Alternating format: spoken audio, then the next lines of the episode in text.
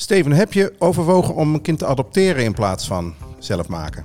Nee, dat heb ik uh, nooit overwogen. Hoogstens toen ik zelf een kind was, maar uh, niet toen ik zelf volwassen was en uh, kinderen wilde. Nee. Jij? Nee, ook niet echt serieus overwogen. Maar wel als kind bedacht, zoals jij ook zegt, dat in de jaren 70 de gedachte van er zijn zoveel kinderen en er is zoveel armoede, dus het is asociaal om, om het zelf te gaan maken terwijl je ze beter kan adopteren. Dus die eenvoudige redenatie die sprak me toen wel aan. Ja. Toen zat er ook een hoop romantiek omheen, daar gaan we het natuurlijk ook nog over hebben. Want er zitten vele facetten aan. Precies, nou, vandaag hebben we het over adoptie. Je luistert naar de 018 Bennis en Podcast. De podcast over de ontwikkeling van kinderen tussen de 0 en 18 jaar. De podcast wordt gepresenteerd door twee vaders. Steven Pont, ontwikkelingspsycholoog en systeemtherapeut, oprichter van het internetplatform 018 en voormalig journalist Martijn Bennis, tegenwoordig directeur van het ANP.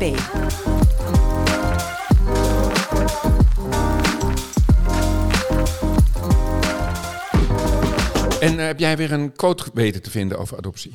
Ja, Oprah Winfrey. Je kent haar niet. Wie kent haar niet? Uh, die zei, biologie is niet wat van iemand een ouder maakt. De Nederlanders is er wel op vooruit gegaan. Uh, ja. Heel goed. Uh, maar, Biologie is niet wat iemand tot een ouder maakt. Precies, dus daar zit wel uh, de, de, de spanning in. Hè? Dus je kan, kan heel goed een ouder zijn zonder dat je een biologische band hebt. Ja. Roept meteen ook vragen op, want ja. het is natuurlijk geen uh, onbekende dat adoptie ook best wat problemen met zich meebrengt. Precies. Uh, kun je daar iets over zeggen? Wat, is, wat zijn de jongste inzichten rond adoptie?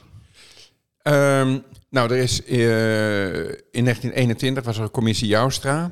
En uh, NRC zegt ook eigenlijk dat als, we, uh, als het over grotere aantallen zou gaan, zou het, dan zou het eigenlijk een nieuwe toeslagenaffaire zijn. Dat er zoveel is misgegaan vanuit de overheid op dat gebied. Hè. Dus kinderen die verteld is en ook aan de ouders dat uh, ouders overleden waren, die bleken nog te leven. Dat er geld is verdiend. Dat, dus het is uh, niet zo, hè, waar je het eerder over had, het ideaal van de 70 jaren. Van we gaan kinderen redden. Uh, er is toch ook echt een uh, hoop mis, misgegaan. En misschien wel sprekend, we, hebben, we hadden de eerste professor adoptie in de wereld. Hoksbergen, professor Hoksbergen. Uh, en die, was, die wilde zelf adopteren, kinderen adopteren. Dat is toen niet. en die is uiteindelijk is zijn missie geweest om kinderen te helpen in het land van herkomst. En niet meer te adopteren. Dus dat is een man die er heel veel van weet. En zegt, is echt ingewikkeld. En daarmee zeg ik niet van nou niet meer doen, of, uh, want het gaat natuurlijk ook vaak goed. En hij zal er ook vaak bij geweest zijn als het fout gaat. Maar het, het is een ingewikkeld dingetje. Waarom ook? Omdat wat Oprah zei, dus dat biologie, nou je kan ook een moeder zijn zonder biologie. Als nou iets uh, dit tegenspreekt, dan is het wel adoptie, waaruit blijkt hoe onwaarschijnlijk belangrijk is voor kinderen dat ze een biologische band met hun vader en hun moeder hebben om zich geborgd te voelen, om zich geaard te voelen, om, om te voelen dat ze op hun plek zijn uh, in het leven. En snappen we dat? Waarom de, die biologie wel zo belangrijk is? Waarom is dat? Ja, nou ja, we hebben het natuurlijk over hechting gehad. Hè, dus uh, hoe het, het, leven is een bedreigende aangelegenheid. En dat je vanaf het begin af aan van je leven voelt, ja, het is ingewikkeld. Hè? Dus het is gevaarlijk leven. Uh, maar er is altijd, hè, dat zijn we toen basisveiligheid gaan noemen, er is een basisveiligheid. Dus het fundament waarop je je gebouwtje neerzet. En hoe zwakker het fundament, hoe ingewikkelder het bouw van het gebouwtje wordt. En uh, met name heel veel uh, adoptiekinderen hebben toch moeite met dat idee. Dat ze op hun plek zijn waar ze horen in het bestaan. En ik denk dat jij en ik en Morris, jouw zoon die hierbij uh, bij ons zit, uh, die doet de regie, dat je dat eigenlijk niet merkt, omdat het een gegeven is. Net zo goed als een vis niet weet wat nat is. He, dat is gewoon, ja, het is er.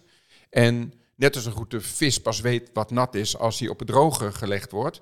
Zo vind ik dat hier ook een beetje. Van voor ons is dat zo natuurlijk eigenlijk, uh, dat je soms pas merkt hoe belangrijk dingen zijn als ze niet uh, geleverd worden. Nou, en daar moet ik heel sterk aan denken bij adoptie. Jij hebt uh, in jouw uh, carrière te maken gehad met adoptiekinderen. Hoe zag je dan aan die kinderen hun hun struggle. Zeg maar. Ja. Er zijn verschillende copingstrategieën, dus manieren waarom je omgaat. En bijvoorbeeld, eentje daarvan is, ik ga mij zo misdragen, dus ik ben al een keer doorgegeven. Dat voelen ze. Heel in het diepst van hun ziel. Eh, Dus ze kunnen er misschien niet eens zoveel woorden aan geven, maar ik ben al een keer te veel geweest. Nu kom ik in dit gezin terecht. En wie zegt mij dat dat niet nog een keer gebeurt? Dus als ik me nou zo ga misdragen, dan geef ik deze adoptieouders ook een reden om mij weer te verstoten. Want het kan niet zijn dat ik lief, leuk en aardig ben en dat ze me dan verstoten. Dat trek ik niet. Dus ik ga ze een reden geven. En dus dat gaat niet allemaal zo heel erg rationeel. Dat, of dat ze zich juist heel erg gaan vormen naar eh, de verwachte wensen en behoeften van hun adoptieouders. Zo van, wie moet ik zijn om niet opnieuw verstoten te worden? Ze gaan scheef En- groeien een beetje. ja, ja, dus eh, ze, ze- hun eigen ontwikkeling eh, wordt eigenlijk verstoord dat ze helemaal worden wie de omgeving dan denkt dat zij moeten zijn. Althans, wat zij denken dat de omgeving denkt. En zich daar dus heel erg naartoe verhouden. En kijk, als je door een, door een systeem, hè, door, een, door een gezin of kan worden gevormd, dat zijn we wel eens met elkaar, denk ik. Dan moeten we ook accepteren dat je kunt worden vervormd en ook kunnen, kan worden misvormd door zo'n systeem. Nou, en dat, dat als dit soort ideeën in het, in het hoofd van die adoptiekinderen zit, van wie moet. Dus ofwel, ik regel mijn eigen verstoting. Of ik zorg ervoor dat ik nooit meer verstoten word door me helemaal aan te passen. Dat zijn wel twee dingen die we terugzien. En maakt het dan ook nog uit of je bijvoorbeeld heel jong geadopteerd bent, hè, na twee maanden of Ja. zo, of ik weet niet of dat überhaupt kan, maar of op zesjarige leeftijd, of dat je uit, nou ik noem eens wat, Haiti komt of Ja. uit Duitsland. Dat, eh, maakt dat uit? Ja, maakt op een bepaalde eh, eh, eh, fronten uit. Als je bijvoorbeeld een andere huidskleur hebt, dus dat zou je minder snel uit Duitsland hebben. We adopteren niet uit Duitsland, maar even wel uit Hongarije. Maar stel even, ehm, dan is dat al wat minder duidelijk dat je hier, hè, dus dat je er niet hoort. Dat is namelijk het grote thema. Hoor ik hier wel? Hoor ik er wel bij? Hoor ik niet eigenlijk ergens, ergens anders? Hoe jonger, kijk, tot ongeveer vier maanden weet je niet eens dat je bestaat, zou je kunnen zeggen. Hè? Dus, eh, maar zelfs dan, geur bijvoorbeeld, ook geur van een land, eh, zet zich allemaal vrij snel vast in het brein. Dus je hoort ook wel dat mensen die vroeg geadopteerd zijn, komen terug in het land van herkomst. En dat ze dan toch die geur in ze zit. En dat ze toch voelen dat dat meer hun eigen geur is dan de Nederlandse geur. En dan heb ik het natuurlijk gewoon over kruiden. Of wij waren ooit in eh, Indonesië samen. En die kretek, hè, dus die sigaretten. eh, wat zit er ook weer? in? Kruidnagel. kruidnagel. Hè, dat is echt de geur van Indonesië voor mij. Nou, en eh, dat zet zich toch vast, allemaal heel diep vast in het wezen van mensen. En dus ook de vervreemding daarvan eh, zet zich eh, heel snel vast. Dus je kunt zeggen, hoe ouder, hoe meer dat emmertje al gevuld is en hoe moeilijker het aanpassingsproces is. Zou, zou jij verwachten dat als een kind op, eh, na drie maanden, ik noem maar wat, hè, geadopteerd wordt, extreem vroeg, en je zegt het niet, dat een Ja. kind zich dan later ongemakkelijk gaat voelen? Of de, de- denk je dat hij daar problemen mee gaat krijgen? Gewoon dit gegeven, even los van Mhm. alle andere kansen op problemen Mhm. natuurlijk. Maar denk je dat een kind dat door gaat krijgen op een of andere manier? Ehm, je kunt nooit de 100% scoren. Maar mijn vermoeden zou zijn dat je dat door gaat krijgen. Waarom ook? Omdat je ook gaat kijken van... Hey, wat heb ik van mijn vader, wat heb ik van mijn moeder? Zowel qua uiterlijk als qua gedrag. Ehm, en als je dat dan niet helemaal kan plaatsen... dat je toch ook een beetje vervreemd voelt in je eigen gezinssysteem. En eh, dat het dan beter is om dat geduid te hebben van dat klopt ook. Dan hebben we nog steeds allerlei dingen te doen. Ehm, dan dat dat in het verborgene blijft. Want dan denk je echt, ja, maar ben ik nou gek omdat je er dan geen verklaringsmodel voor hebt, als het ware. Maar goed, die commissie Joustra, hè, waar je het net over had, 2021, eh, heeft hier ertoe geleid dat adoptie heel anders bezien wordt nu? Zo van, nou, beter van niet?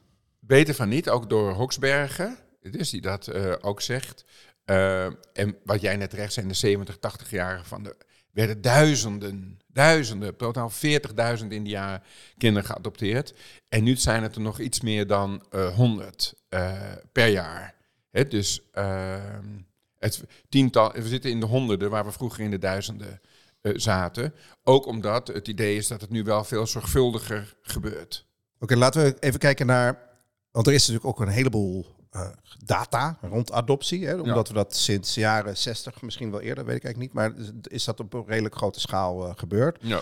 Wat zien we aan adoptiekinderen? Dus die vanuit allerlei landen hier gekomen zijn, bij allerlei ouders gekomen zijn. Maar we, we zien uh, duizenden kinderen.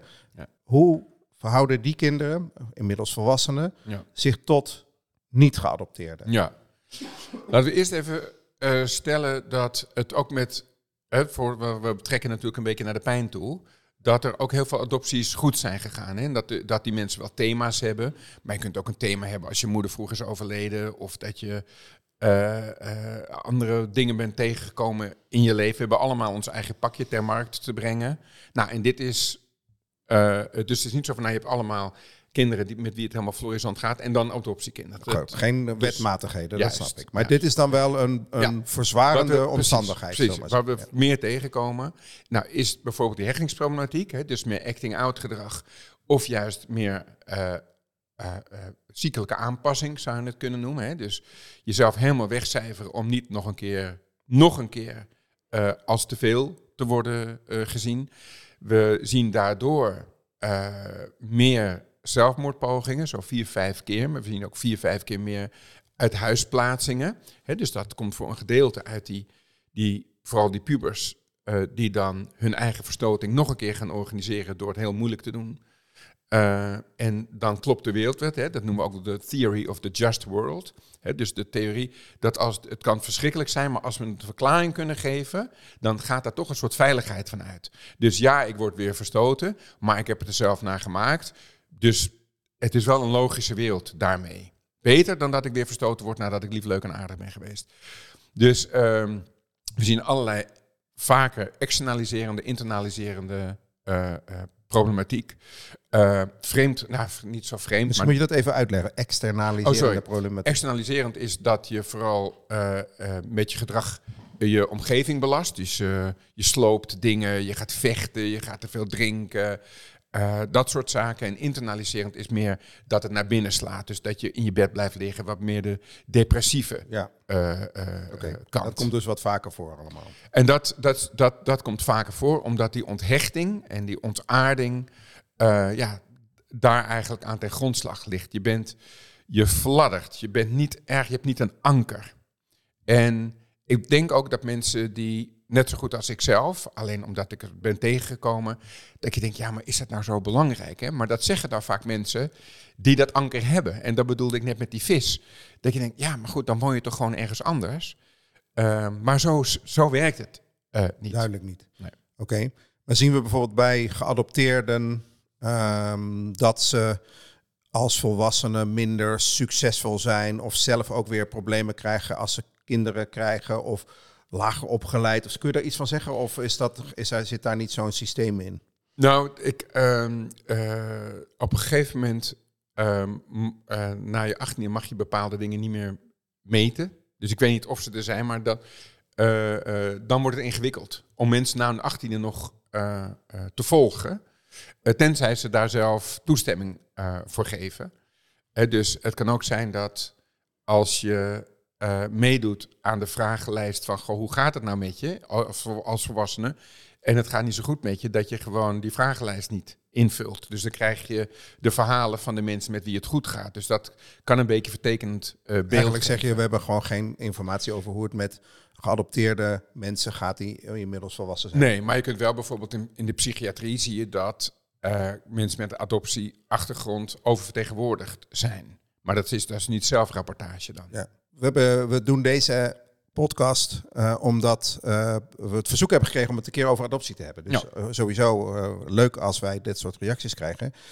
maar um, ik denk ook dat dat iemand was die misschien zelf het een en ander ervaart. Wat zijn nou de, laten we zeggen, vijf, mogen ook zes of drie zijn, belangrijkste dingen die je als ouder moet realiseren op het moment dat je adoptiekinderen hebt. Oké. Dus de hechting die moet op orde zijn. Dus wat er voorheen gebeurde, dan kwam een, een, een dus laten we zeggen, een driejarig jongetje uit Zuid-Korea. Nou, en er werd er een feestje gegeven. Hè, want die, wa- die was er dan. En dan nam iedereen een cadeautje mee. En dan pakte dat jongetje dat uit. En, dan, en daar zijn we van afgestapt. Dus eh, het liefst geen bezoek zelfs. Of zo min mogelijk. Omdat er echt een hechtingsband moet ontstaan tussen het adoptiekind en de ouders. Geen Dus- bezoek, je bedoelt de eerste tijd. Ja. Gewoon, eh, rustig ja, aan. Ja. ja. Dus, en als er dan al cadeautjes kwamen, dat was eigenlijk de fase daarvoor, dan geef je het cadeautje aan de ouders. En de ouders geven het cadeautje aan het kind. Want wat is nou hechting? Is eigenlijk dat je een soort sociale voor- en achtergrond ontwikkelt. Dus mensen staan dicht bij je, die kun je vertrouwen. En er staan mensen wat verder af en, die, en die- daar heb je wat minder band mee.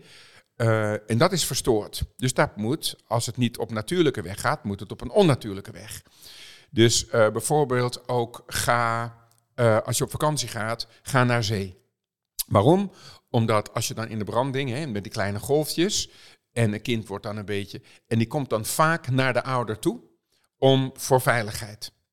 Dus je moet datgene wat in het normale leven gewoon gebeurt, moet je dan een beetje organiseren. Dus er moet een hele heldere boodschap worden uitgezonden. Luister, dit zijn de twee mensen, die zijn nu jouw binnencirkel. En daarna komt er even een tijdje niks. Daarna komt er nog een tijd. En daarna komen er andere mensen om die sociale voor- en achtergrond, waar we allemaal bij floreren, als je dat goed in de gaten hebt, eh, op die manier voor elkaar eh, te krijgen. Dus bijvoorbeeld werd er dan gezegd, hè, dus in de tachtige jaar, waar jij het net over had, van, goh, wat is die al aangepast, want ik ga bij iedereen op schoot. Ja, ja. En nu schrikken we daarvan. Zeg nee, je moet niet bij iedereen op schoot kruipen, want je- bent niet een voor- en achtergrond aan het ontwikkelen. Die zijn veilige mensen, want die zie je veel. Dat zijn, is een- dat was een soort allemans vrienden, maar die waren dus eigenlijk alleen maar aan het shoppen. Van iedereen, vindt iedereen mij leuk, vindt iedereen mij aardig. Dus dat klinkt een beetje hard, hè, van be- weinig bezoek. Maar eerst moet die hechtingsband tussen de adoptieouders en het adoptiekind... dus in een wat gekunstelde vorm eh, Georganiseerd worden. georganiseerd worden. Ja. En als je dat nou niet gedaan hebt, je hebt, eh, je hebt dat feestje gegeven en zo. Nou ja, dan, ja, eh, dat hangt er vanaf. Eh, dan nog zal hechting altijd een thema blijken. En waar ik nog even op je vorige vraag. En dus ook om het niet persoonlijk op te vatten. Ja, precies. Dus- ja. Ja. Er gebeuren dingen. En denk je, en dat is ook in de 70 jaar van die vorige eeuw, dat ze, oké, we, we gaan kinderen halen uit andere landen. En wat we ervoor terugkrijgen is dankbaarheid. Dankbaarheid en liefde, want we hebben je gered voor de poorten van de hel. En jij gaat de rest van je leven dankbaar zijn. Dat gaat tegenvallen. En dat gaat enorm tegenvallen. Het wordt je niet in dank afgenomen, zelfs in sommige gevallen. Dus je moet het echt doen, niet omdat je er zelf iets van nodig hebt. Dus je zegt, ja, maar ik heb die dankbaarheid of die liefde nodig. Eh, want het is eigenlijk een beetje een, een nat stuk zeep. Hè? Dus als je er te hard in gaat knijpen, dan schiet het weg. Dus je mag je handen misschien opleggen, maar niet te veel druk op uitoefenen. Want eh, de name of the game is, jij komt naar mij. Ja? Dus ik ben beschikbaar, maar ik ga, als ik naar jou kom, ga ik misschien een grens over. Dus ik ben totaal beschikbaar, maar ik, ik, jij leidt deze dans van intimiteit en nabijheid.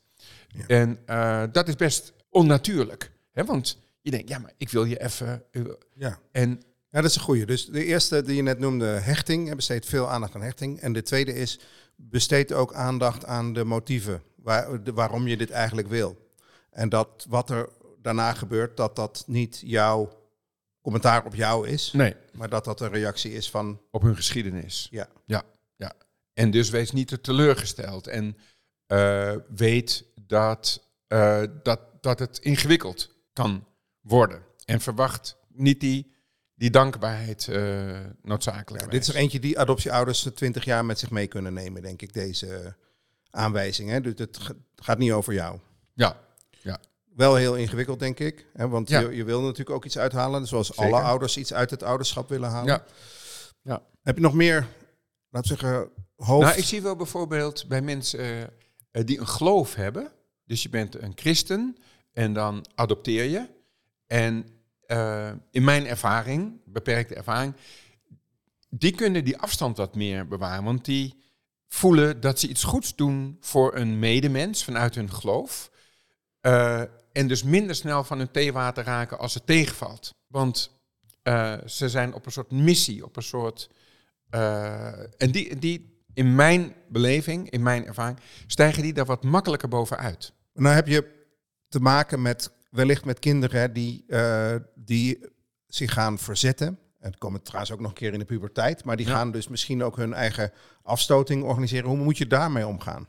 Liefdevol grensstellend. Dat is de name of the game. Hè? Dus niet zonder grenzen. Maar je kunt die grenzen stellen. Hè? Je kunt hard met de boodschap zijn, maar zacht voor het kind. En uh, ga ervan uit, zij gaan over die grenzen heen. En uh, dat hoort er ook een beetje bij, net als bij de puberteit. Dat je, ze hebben die grens en ja, daar ga je uh, af en toe overheen.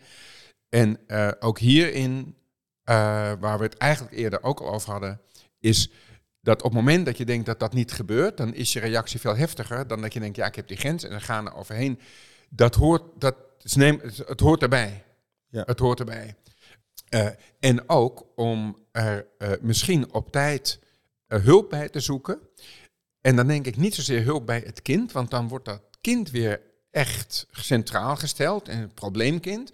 Maar om als ouder hulp te zoeken in het vormgeven van het ouderschap rond dat kind. dus dat vind ik wel vaker, dat ik denk, ja, we kunnen nu het kind in therapie doen, om het zo maar even te zeggen. Dus ik denk, de eerste die in therapie misschien vaker zouden moeten zijn de ouders. Niet omdat ze slechte ouders zijn, maar omdat dat kind wil niet van een therapeut bepaalde belevingen voelen, maar van de ouders. Dus ondersteun de ouders om ze die ervaringen te geven. Dus schrik niet terug om je te laten coachen. Eerst zelf voordat je je kind uh, dat uh, kanaal instuurt.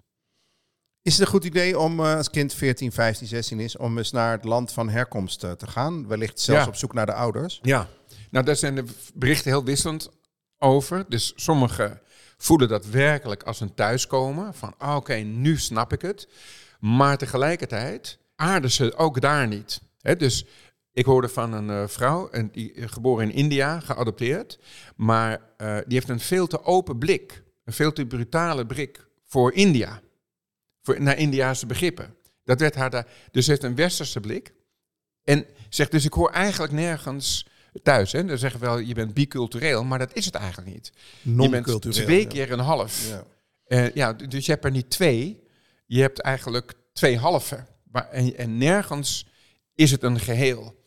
Uh, wat ook kan gebeuren, is dat je bent natuurlijk ook een beetje een lopende portemonnee. Dus ik hoorde van een verhaal van een jongen, ik denk dat hij 18, 19 was, en die had dan gespaard, en ging hij heen. En toen had hij zijn hele gezin, zijn oorspronkelijk biologische gezin, meegenomen uit eten. Zij waren arm, ze waren nog nooit uit eten geweest. En daarna kreeg hij steeds verzoeken om meer uh, geld.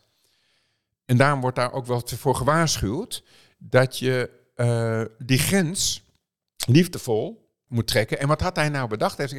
Hij voelde zich schuldig en hij had het opgelost met de gedachte, ja maar jullie wilden dat ik naar Nederland ging. Jullie, of althans, jullie hebben mij. En dit hoort er voor jullie bij. Dus ik kan dat niet voor jullie oplossen. Dus, uh, en daarmee kreeg hij vrede in zijn eigen hoofd. Toen hij uh, dus de oorsprong van zijn adoptie niet bij hemzelf te leggen, maar inderdaad bij de adoptieouders, hoe pijnlijk ook. Maar zij hadden hem in deze situatie gebracht en dus vond hij ook, nou dan mag ik binnen deze situatie mijn eigen grenzen, mijn eigen grenzen hebben. Ja, goed bedacht zou ik zeggen. Ja. Het, het, gegeven dat je bent verstoten door je biologische ouders. Verstoten is misschien een heel hard woord. Ze voelt het. Ze voelt het wel. Ja. Dus je, je, biologische ouders hebben op een gegeven moment, tenminste dat is vaak het geval, denk ik. Hè, die hebben besloten, wij kunnen niet voor hem of haar zorgen. Dus we gaan, uh, we, gaan, we gaan ze aanbieden bij een weeshuis of bij een... Dat, dat gegeven, ik kan mezelf niet voorstellen dat je dat met je kinderen Zij kan doen. Niet. Maar ik kan ook echt niet oordelen over de omstandigheden. Nee. Maar dat je dat alleen al met je mee moet dragen, lijkt me heel zwaar. Ja. ja, nou ja, kijk, wij leven ook nog in een vrij geïndividualiseerde cultuur. En uh, de meeste landen waar adoptiekinderen vandaan komen, zijn hele collectieve culturen. Ik hoorde van een vrouw, van dezelfde vrouw. En uh, die, die moeder, die Indiaanse moeder, die had ze leren kennen. En die ontkende daar dus dat dat haar dochter was. Omdat ze zich zo schaamde.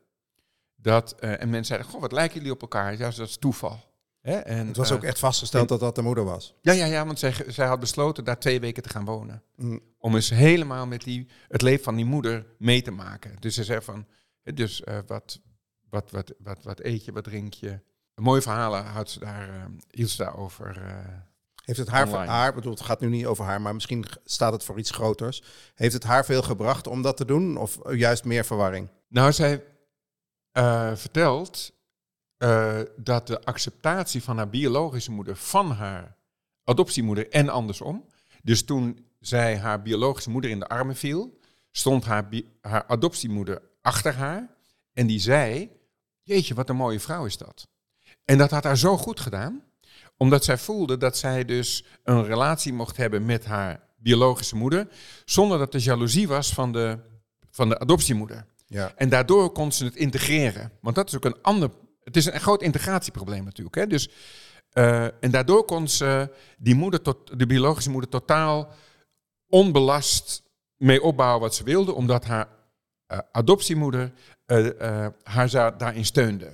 Dat is een heel belangrijk, dat je voelt dat de, dat de adoptieouder het niet als verraad ziet als jij daar een goede band mee opbouwt, bijvoorbeeld. Er zitten duidelijk twee kanten aan. Je redt natuurlijk ook gewoon een kind. Dat nemen we even aan, hè? even los van de kinderen. Daar, zijn de kinderen niet het ermee eens. Hè? Dus die, nou, een, een hoop uh, denken toch ook was ik niet liever, hè, een, een, man in Brazilië, en die zegt nu ook, ik was misschien wel liever in Brazilië eh, gebleven. Hij weet niet waar hij het over heeft natuurlijk, hè. hij idealiseert dat misschien ook.